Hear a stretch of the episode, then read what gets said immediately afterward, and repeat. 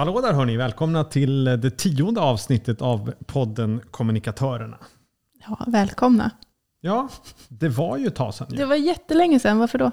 Därför att jag har varit utomlands och eh, jobbat med Försvarsmakten. Jag har varit på insats som man säger. I Nu är du månader. tillbaka. Nu är jag tillbaks och då betyder det att då kan vi börja podda igen. Och det är ju eh, synnerligen eh, lustfyllt, tycker jag i alla fall. Ja, det tycker jag med. Jag har längtat efter dig och jag har längtat efter podden och jag har längtat efter våra lyssnare också.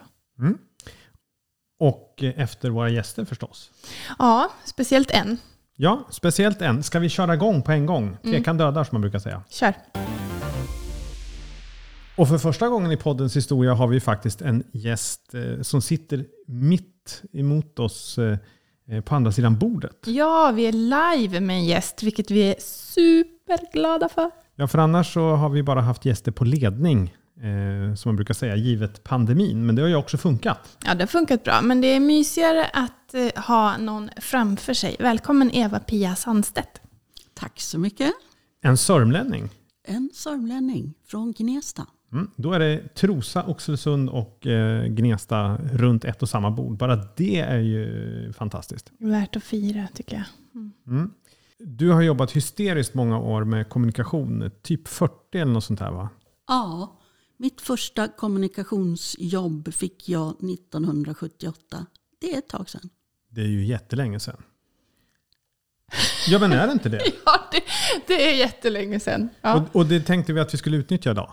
Vi Eh, tänkte klämma eh, dig på all typ av information som rör eh, kommunikatörens utveckling. För det har ju hänt så vansinnigt mycket. Vi pratar ofta om att de senaste 10-15 åren har varit Ja, det har hänt så väldigt mycket på kommunikationssidan. Men det är klart att går man ännu längre tillbaka så har det hänt ännu mer. Och du vet ju ganska mycket om det. Ja, eh, när man tänker efter så ja, det har hänt en del. Alltså. Det har det. Hur kommer det sig att du började där 1978 med, med kommunikation? Det började med att jag skulle bli bibliotekarie. Och för att bli det eh, så måste man komma in på Bibliotekshögskolan. Och för att göra det då var man tvungen att ha en fil. kand. med litteraturvetenskap som, som huvudämne. Och för att komplettera med någonting annat så hittade jag ett kul ämne som hette informationsteknik. Det var helt nytt. Och om man slarvar lite så kan man säga att det var den teoretiska delen av Journalisthögskolan. Och det var bara en termin. Ehm, och med det där Eh, i botten så skulle man sen också ha yrkesverksamhet inom området för att komma in på Bibliotekshögskolan. Och då fick jag jobb på ett förlag som redaktör på Stockholms universitet. Och det var jätteroligt. Eh, och efter några år så kom jag på att ja, men jag kanske ska, inte ska bli bibliotekarie. Och sen så fick jag ett jobb på ett fackförbund som informatör. Så det egentligen var det bara slumpen då? Ja, det var slumpen. Ångrar du det idag? Alltså, ganska länge så, så tyckte jag att det var lite synd att jag släppte det där med bibliotek. Men eh, jag hade ju som många andra bilden av att bibliotekarier läser böcker.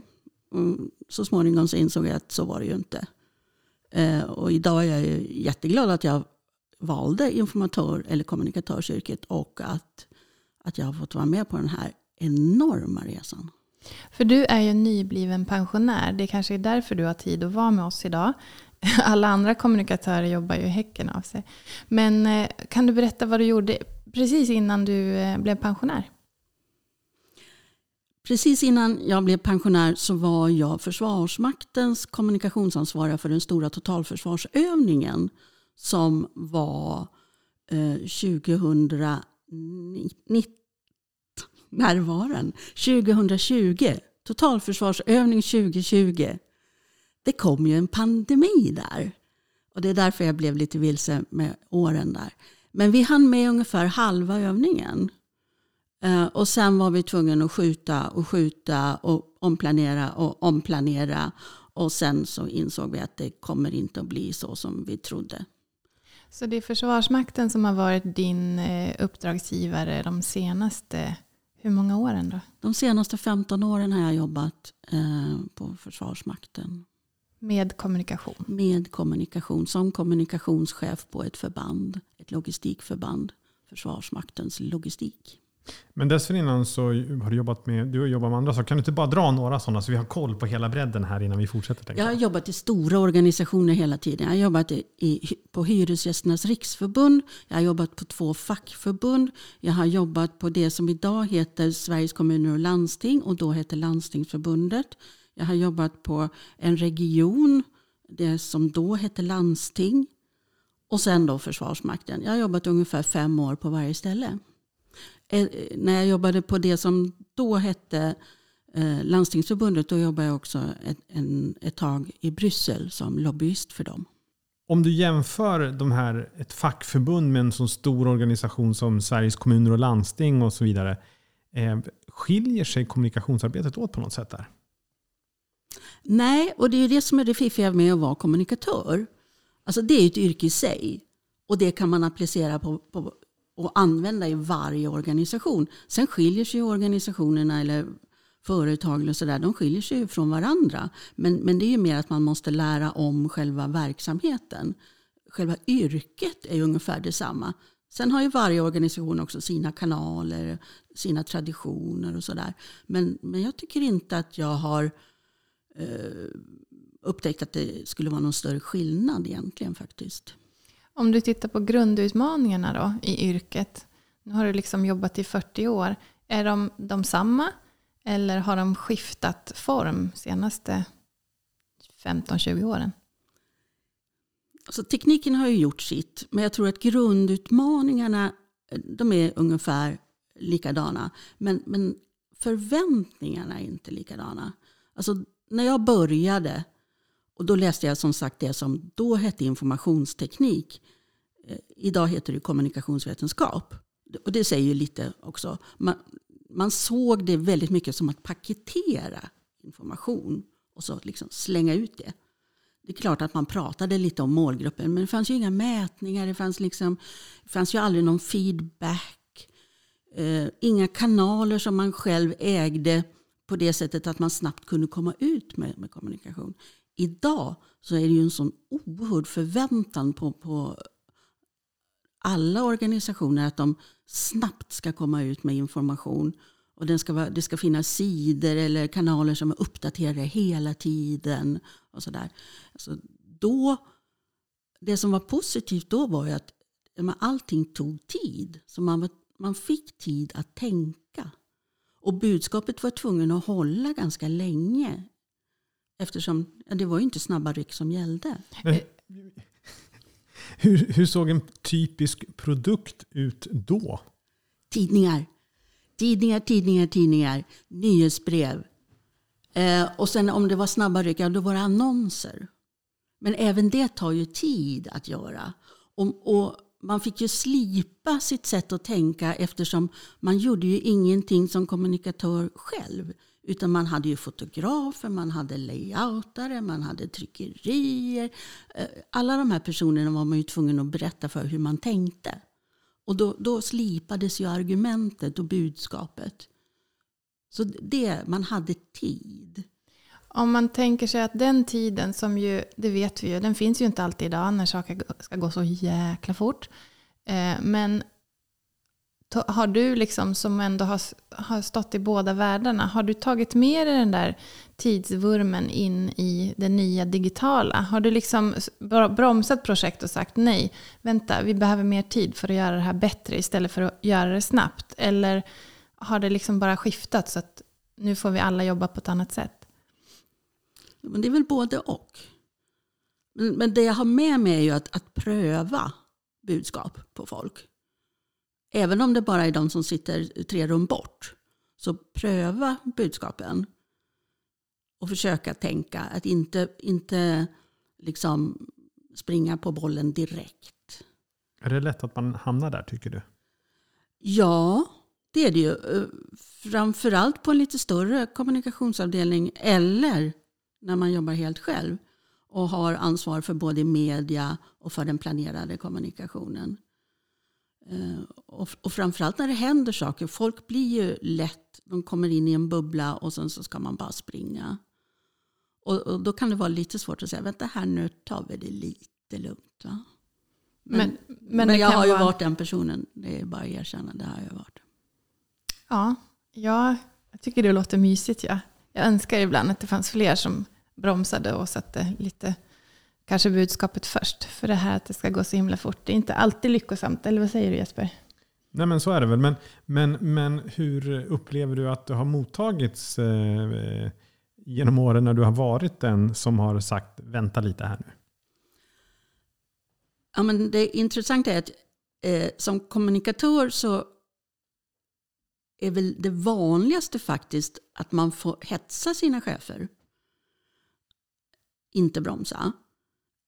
Eh, utan att det finns ju, nej men vi väntar lite, vi väntar lite och ser. Ja, men nu har det hänt en sak här och vi måste berätta hur vi ser på det. För annars är det någon annan som berättar om oss. Eh, och när det gäller att stoppa, då är det väl snarare kanske kollegor eller de runt omkring. Men de högsta cheferna, de, de brukar ha mer is i magen. Men, men å andra sidan då kanske man får hetsa dem lite. Att, ja, men om det är så att det händer någonting, då får vi gå ut igen. Ja, för att, men det är också inte helt sällan man, man som chef kanske blir irriterad och bitter över att någon annan har varit ute och berättat om, om det man själv hade tänkt att berätta. Och det får man ju förklara hela tiden för chefer. Att det är därför vi måste gå ut. Vi kan inte, det är ju inte så. Alltså, jag hörde någon gång jämföra kommunikatörsarbetet med, med en trädgårdsmästare. Alltså man kan inte ha en rabatt som är helt tom. För då kommer ogräset att ta över.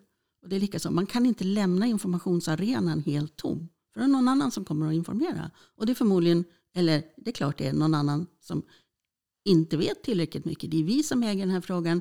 Det är vi som är experterna. Det är vi som måste gå ut.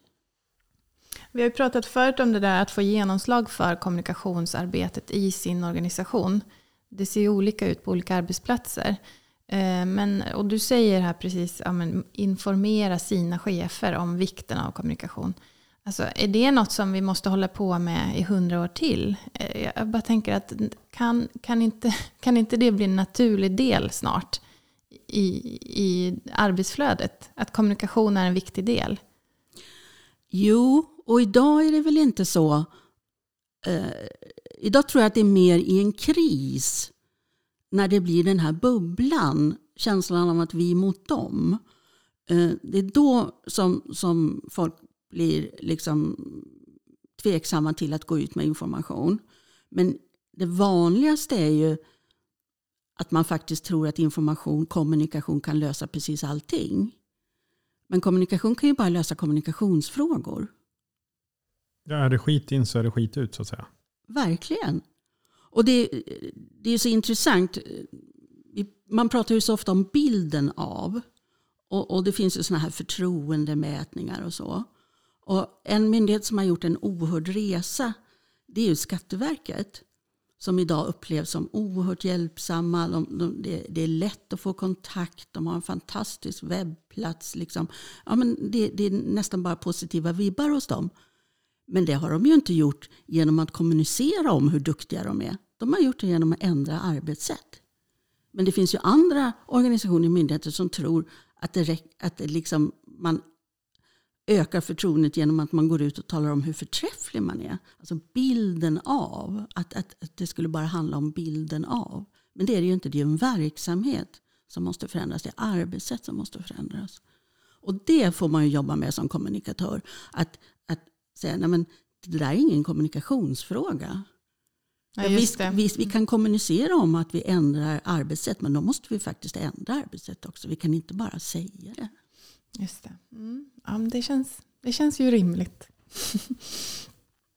Men hur, hur, hur når man dit då? För det är också lite lättare sagt än gjort. Eh, någon på Skatteverket måste ju ha slitit hårt för att eh, man skulle få igång den där resan. Säkert. Jag kan inte den historien så det, det kan jag inte uttala mig om. Men det är ju imponerande vad de har gjort. Eh, men det måste ju ha varit någon, någon stark chef där som, som bestämde sig för att nu, det här går inte, vi måste bli modernare. Men hur skulle du ha gjort? Eh, om du skulle liksom för att få putt, göra lika, något liknande i en organisation som du jobbar med? Ja, vilken jättebra fråga. Jag har ingen aning. Nej, men det, beror ju på eh, det beror på organisationen, det beror på vad det är för slags chefer, det beror på vad det är för slags kultur. Det där är ju inte lätt att vända en organisation. Det är inte alls lätt. Ofta finns det ju en in, inre bild av, och den kanske inte stämmer med hur till exempel allmänheten ser på verksamheten. Men Skatteverket är ju ett toppenfint exempel som vi, de flesta av oss har ju färskt i minnet när det var en myndighet som inte kommunicerade så väl. Finns det fler sådana goda exempel på organisationer eller företag som liksom har lyckats vrida både bilden och, och sitt arbetssätt? Alltså nu är jag ju ruskigt partisk såklart, men jag tycker Försvarsmakten är duktiga. Eh, visserligen jobbar de ju, ju mycket med det här med bilden av, men det är ju därför att man vill ändra eh, folks förutfattade meningar. Och därför att kunskapen om organisationen att den faktiskt har förändrats sedan morfar gjorde lumpen på 40-50-talet. Eh, och de där lumparhistorierna de, de går ju på något sätt i arv. Vi ser dem ju fortfarande i, i sociala medier att man berättar ja, men så är det inte för när jag gjorde lumpen. Oh, men när var det då? Um, och då tycker jag att Försvarsmakten har visat, för det är ju också det där att mm, att man måste ju, man måste ju visa bilden av vart man vill, inte bara bilden av hur det var. Va? Men det, det, räcker ju inte, utan då, då måste det finnas i organisationen också en förändringsresa som är på gång. Så att det inte läcker ut gamla lumparhistorier i alla fall menar du? Som är för ett år sedan? Nej, mm -hmm. nej det är ju det va. Mm. Och i stora organisationer är det där svårt därför att det, det sker ju alltid misstag och det, det finns dåliga chefer och så vidare. Du som har varit chef över kommunikatörer så länge, eh, har du några specifika chefstips? Ja, om man ska vara chef för kommunikatörer då ska man vara en kommunikatör. Det är det viktigaste. Eh, sen är det så att de flesta kommunikatörer är, i, i, är doers. De är som sådana där små leksaksgubbar som man skruvar upp och så sätter man dem på bordet och så springer de. Så är många kommunikatörer, inte alla men många. Och då måste man liksom samla, samla dem, samla, stoppa dem lite och så komma tillbaka till att det, det är inte bara hur vi ska göra som är viktigt utan vad är det vi ska göra? Varför ska vi göra det? Och det måste man påminna om. Vänta här nu, varför gör vi det här?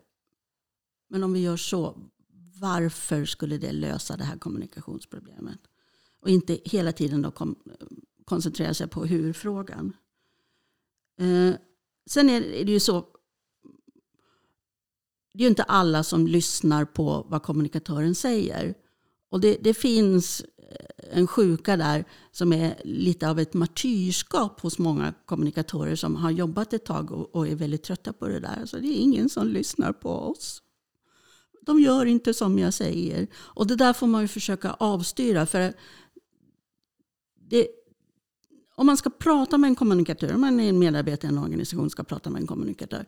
Då, det som inte får hända är att man måste ta ett djupt andetag innan man går in till kommunikatören eller kommunikationschefen därför att de är så gnälliga eller jobbiga eller säger alltid nej eller sådär. Och, för det måste alltid vara lätt att ha kontakt med en kommunikatör. Det kanske inte alltid måste vara jättekul, men det måste vara lätt. Och det där martyrskapet då.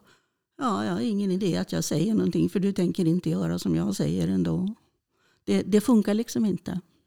Jag tänker att då måste man jobba en hel del internt i kommunikatörsgruppen med bemötande och så. Har du något tips där då?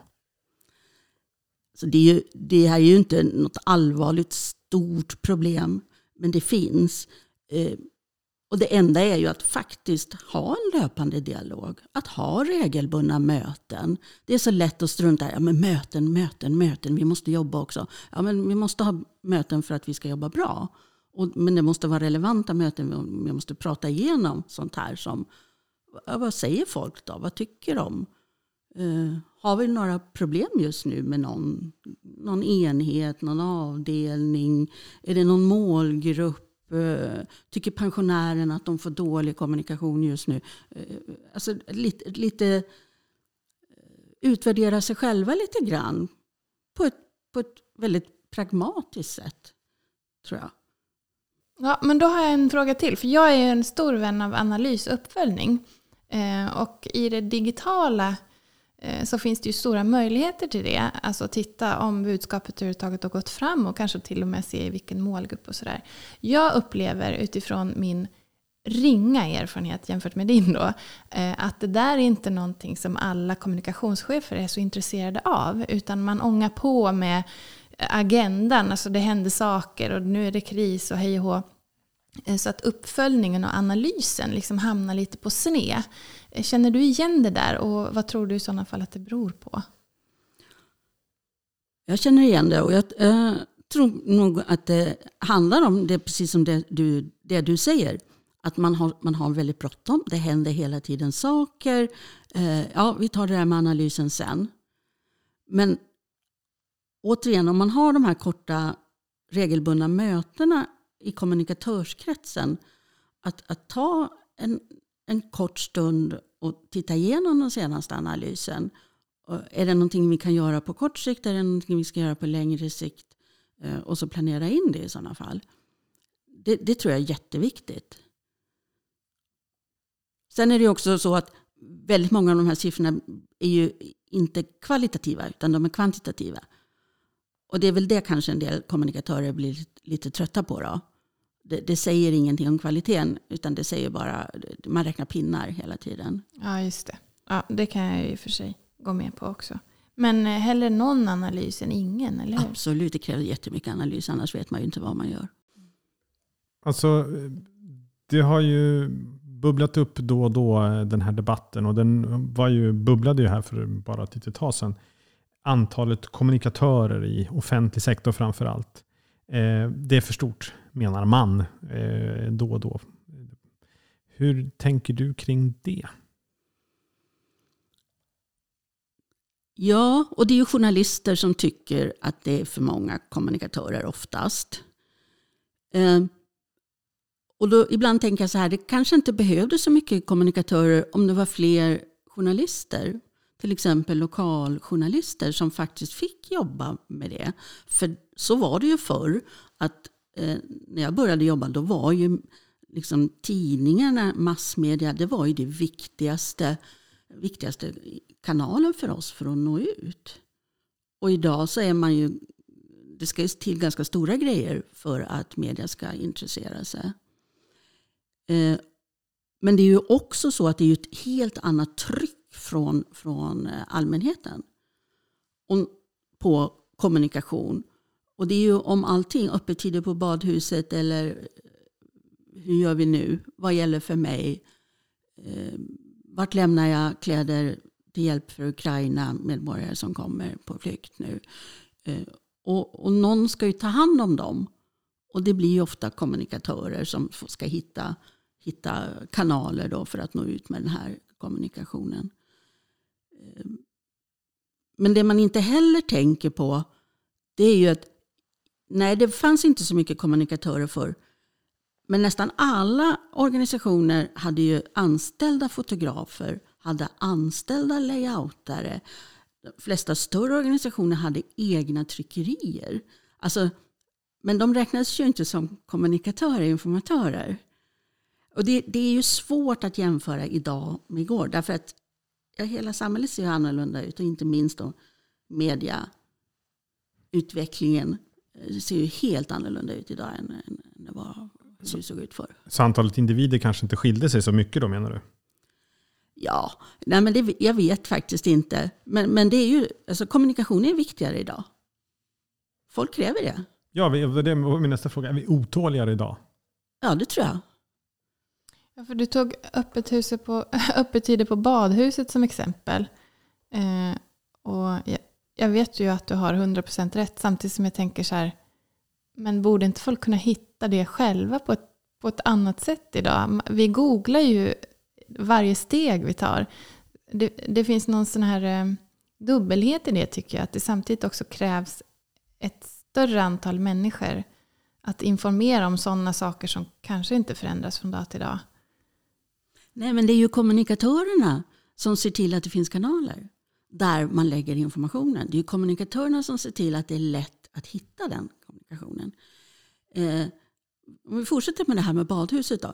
Gnesta kommun är en jätteliten kommun. Och återigen är jag ju naturligtvis oerhört partisk, men jag tycker de är så duktiga.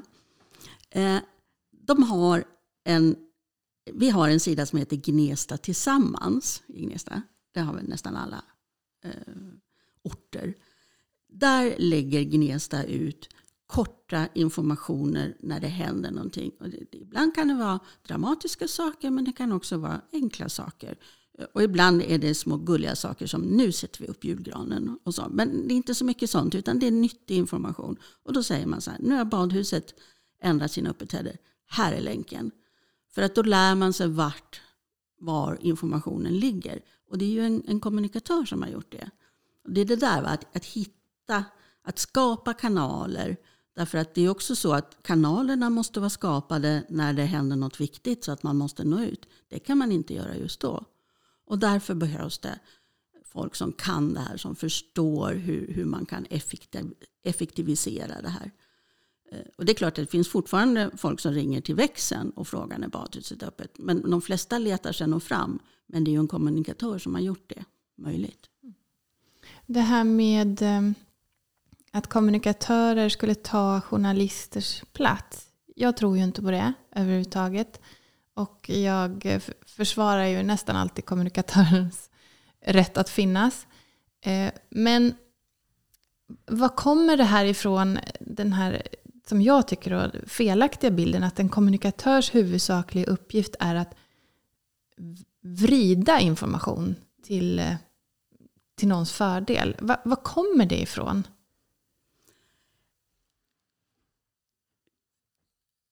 Ja, de flesta journalister tror nog, eller det är fördom från min sida, men jag, jag, tror att många journalister i alla fall tror att, att det är så kommunikatören ser på sitt jobb. Men om vi ska vara schyssta då så är det ju faktiskt så att det kan vara sant. Alltså det, vi har ju, det finns ju kommunikatörer runt om som har som jobb att eh, till varje pris få fram sina budskap, alltså spin doctors. Eh, så att det är väl inte konstigt att, att när journalister blir upprörda så, så, drar de till med att alla kommunikatörer jobbar på det sättet.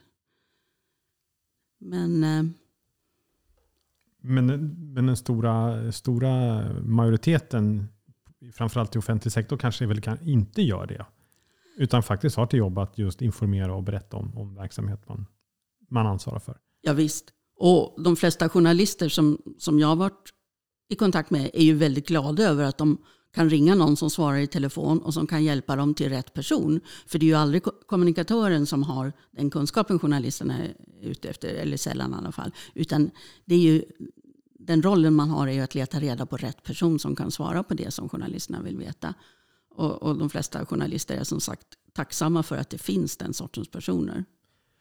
Men eh, när man pratar om kommunikation så hamnar man ju oftast eh, i, i ungefär där vi är just nu. Vi pratar om journalister och allmänhet och så här. Men jag vet att det finns en annan grej som du brinner jättemycket för och som du har slitit med under alla år. Och det är ju intern kommunikation. Mm. Varför är den så viktig? Om man ska hårdra det så är det ju så att om man sköter internkommunikationen så, så kan man skippa väldigt mycket av det andra. Därför att vad man behöver för att skapa eh, trovärdighet det är ju att medarbetarna i en organisation Eh, har samma bild och samma budskap som cheferna i en organisation. Och ibland är det bråttom och då hinner man inte med att informera medarbetarna och då kan det bli, då kan det bli pinsamt. Eh, ett jättegammalt exempel är ju Bror Rexed på den dåvarande Socialstyrelsen. Och det här var ju på stenåldern som bestämde sig för att du-reformen hade införts på Socialstyrelsen. Och det var ju ingen medarbetare som visste. Eh, han hade glömt att berätta det. Han berättade för journalisterna. Eh, och det där händer ju lite nu och då. Man ser det. Eh, men om man vill att medarbetarna ska liksom vara med på en förändringsresa eller överhuvudtaget vara med i eh, aktiva och, och känna delaktighet och sånt där. Ja, men då är det faktiskt intern kommunikation det handlar om. Också därför att i stora organisationer så känner man inte varandras verksamheter. Och därför måste man eh, faktiskt kommunicera om vad, vad som händer i organisationen. Ligger det någonting i också att idag är vi alla tack vare sociala medier kommunikatörer i viss mån. Alltså, jag kan ju faktiskt eh, prata om min arbetsgivare i sociala kanaler på ett mindre tillfredsställande sätt om jag är missnöjd till exempel. Eller om jag inte förstår en, en reform eller vad det är. Spelar det också in? att Gör det, gör det internkommunikationen än viktigare? Att vi alla har de här kanalerna ut? Det kommer ju alltid finnas människor som är missnöjda och som vill gå ut med det och berätta det. Men, men det är klart att man minimerar sånt genom att se till att medarbetarna faktiskt vet vad som pågår. Och det är inte svårt att slänga ut någonting på ett intranät. Eller vad man har för kanaler för att nå medarbetarna. I värsta fall mejl. Det, det, är inte svårt. Utan det är bara att den externa kommunikationen ses alltid som väldigt, väldigt viktigare. Eh, och det är den som är liksom lite roligare. Om man lyssnar på dig nu så är ju internkommunikationen bra mycket viktigare än den externa kommunikationen. Men varför tror du att det uppfattas på precis tvärsom? Jag tror ett gammalt sätt att se på kommunikation. Att, att liksom det synliga, det där att vara i tidningen. Att, att uh, vara med i ett spinn. Att vara, att vara synlig utåt. Uh, vara med i Rapport, vara med i Ekot bli efterfrågad så, ja men det är ju häftigt. Det är jättehäftigt. Men man kan ju inte ha liksom 200 000 medarbetare, nu överdriver jag, 50 000, 2 500 medarbetare som sitter och bara känner, va? Vad säger människan? Det stämmer ju inte. Det har jag aldrig hört. Nej, det, det, det blir pinsamt. Ja, och risken är väl att man inte blir så god ambassadör och när man måste titta på rapport för att få reda på vad som händer på ens arbetsplats. Så kan det vara. Så kan det vara. Men hur, hur, hur lyckas man övertyga då eh, en ledning? Du sa ju tidigare att man måste dra ibland eh, dra ur ledningen en eh, vilja att kommunicera. Men hur lyckas man med att förmå en, en ledning att vilja internkommunicera? Det finns ju ingen chef i världen som säger att internkommunikation är oviktig. Så det är bra. Och sen får man ju se till att det blir enkelt då som kommunikatör. Man får ju skapa så att man har möjligheter att skapa kanaler att det är enkelt att gå ut med information och man får själv ta initiativet som kommunikatör. Nu går vi ut, med, nu går vi ut till personalen först. När man gör planer för hur man ska gå ut, om det ska hända, hända något eller ja, man ska formulera budskap. Ja, ja, och då är det första. Och hur ser vi till att personalen får information om det här? Då? Och det, förr i världen så var det ju så att man faktiskt kunde planera. Först går vi till personalen, sen går vi till styrelsen, sen går vi ut i media. Och det går ju inte idag. Därför att det funkar inte så.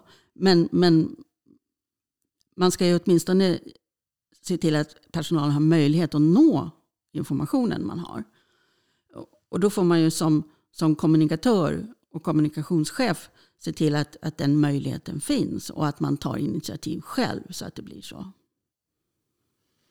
Tycker du att det är en bra idé att en organisation delar upp arbetsansvaret intern extern kommunikation? Eller tycker du att kommunikationsenheten, om det finns en sån, ska jobba med både intern och extern eh, kommunikation? Det beror ju lite på tycker jag, hur organisationen ser ut, vilka kanaler man har och, och hur många man är och sådär. Det, det, måste ju hänga ihop, det är det viktigaste. Och om det häng, man hänger det hänger ihop genom att man har en kommunikationschef som ser till att det gör det. Eller om, om alla jobbar med allt. Det, det beror ju på, tycker jag. Men koordinering i stora organisationer är ju oftast lite trickigt. Har du några bra tips där? Ja, för det första så måste kommunikationschefen vara en kommunikatör. Eh, jag har sett många eh, organisationer som eh, har lagt kommunikation under personalchefen. Därför att det är ungefär samma sorts arbetsuppgifter. Eh, och så sitter kommunikationschefen då, eh, pers förlåt, personalchefen i ledningsgruppen. Och det är ju så att kommunikationsfrågor, de dyker ju inte upp med en röd flagga där det står obs kommunikation på. Utan där måste man tänka, aha, men om vi gör så, ja men det betyder ju att vi måste kommunicera och det här kommer säkert media att vilja intressera sig för. Och hur kan vi då gå ut med information? Vilken kanal ska vi använda? Det är ju så man måste tänka och det måste man tänka snabbt. Och det gör inte någon som inte kan kommunikation. Så då, det är det liksom det första då. Kommunikationschefen måste kunna kommunikation. Och sen så måste man ta koordineringen på, på allvar.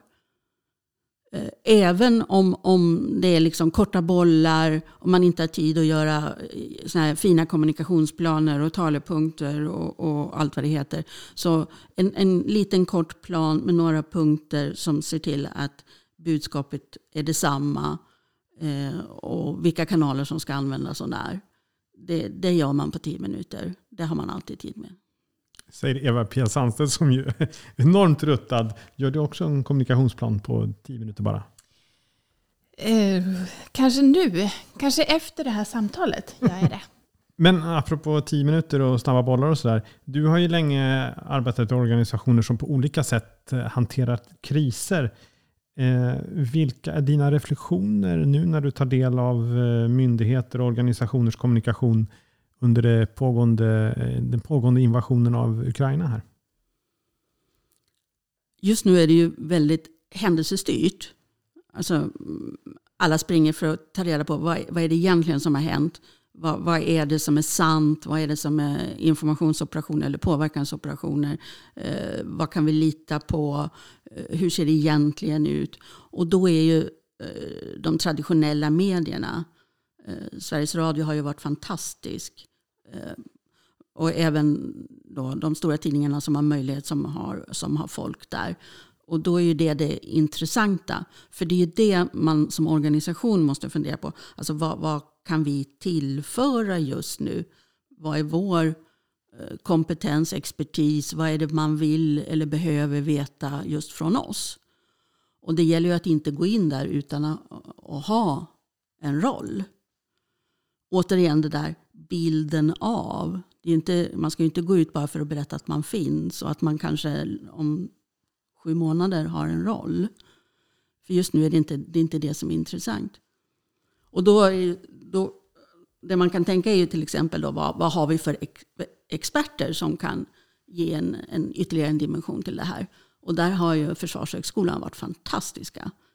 Eh, jättesnabbt så, så plockar de ju fram Oskar Jonsson som ju nu är liksom etablerad som expert. Och likaså Joakim Paasikivi, eh, överstelöjtnanten som han får heta, eh, också från Försvarshögskolan, som, som lugnt och, och metodiskt kan berätta hur, hur det fungerar, vad som händer, hur man kan tänka. Det, det, har de ju varit skickliga utan att de liksom hela tiden skriker Försvarshögskolan, Försvarshögskolan. Utan det, liksom, det är bara, ja men här finns det experter. Finns det ytterligare bra exempel på myndigheter som har agerat klokt och eh, kommunikativt proffsigt under eh, den här krisen? Så jag tycker inte att jag har sett så mycket. Eh, nu kan jag ha missat dem, men jag tycker inte jag har sett så, så väldigt många som har varit ute. Det, det tror jag är klokt.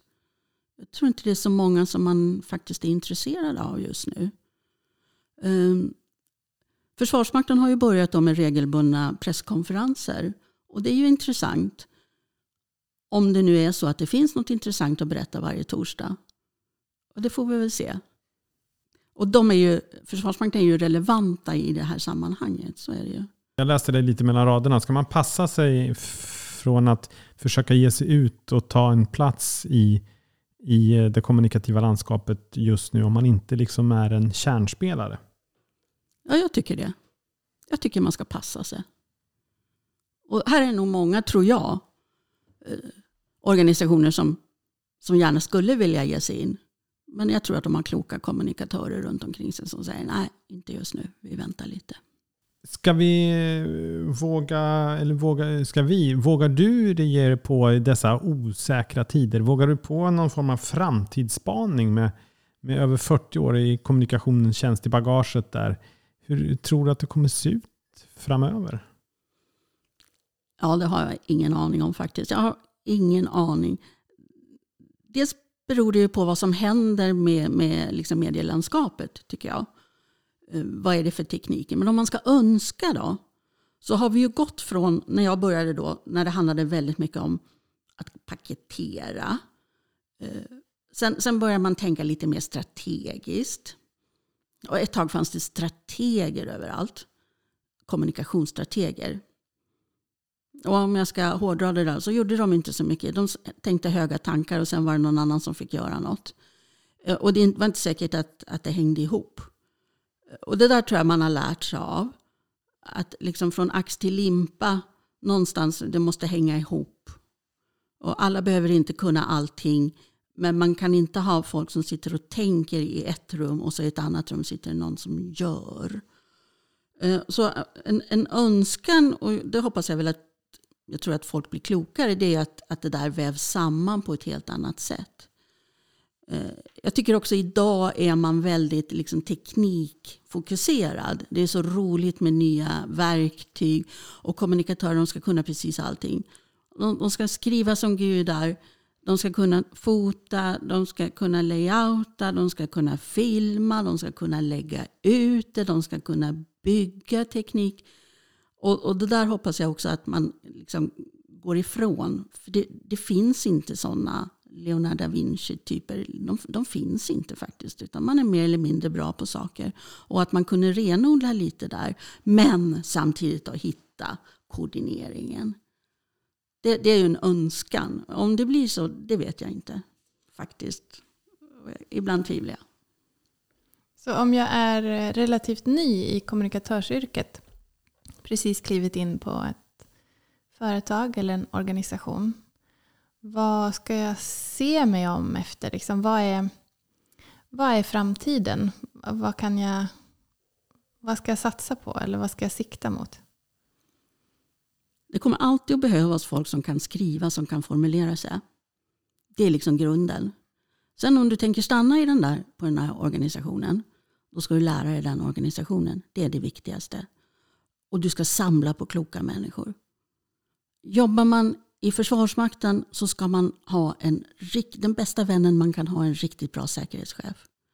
Jobbar du i, i, i vården så är den, chefläkaren är din bästa kompis.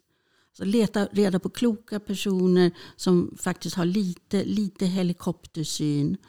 Eh, och då, då kan du stämma av med dem. Då blir du en duktig kommunikatör. Och sen då odla relationen med chefen faktiskt. Chefen är alltid viktigast. Det är, det är så. Vilka toppentips. Tack snälla! Ska vi eh, låta de där tipsen helt enkelt bara sjunka in och säga tack till Eva-Pia Sandstedt för att du tog dig hit idag och gästade oss i podden Kommunikatörerna. Tack så mycket. Eva-Pia Sandstedt där med över 40 års erfarenhet av kommunikationsarbete. Vilken smakstart! Ja, gud. Det är liksom tillbaka till tiden före internet. Ta det lite lugnare och eh, kanske inte ha så bråttom alla gånger. Det är ingen dum idé. Det får vi fundera på tills nästa gång vi hörs. För nu eh, kommer, ja, avsnitten kommer inte komma till er som på ett pärlband, men det kommer komma nya avsnitt i alla fall. Ja, pärlband kan vi väl stora pärlor. Ja, precis. Ja. Eh, och vill ni så får ni ju extremt gärna höra av er med tips på ämnen som vi, vi kan ta upp.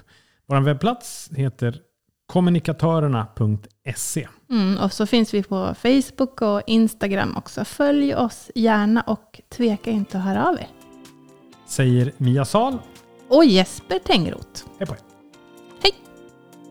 Podden Kommunikatörerna produceras av Sal Media och aktiebolaget Tengroths Ord. Musik Niklas Thelin.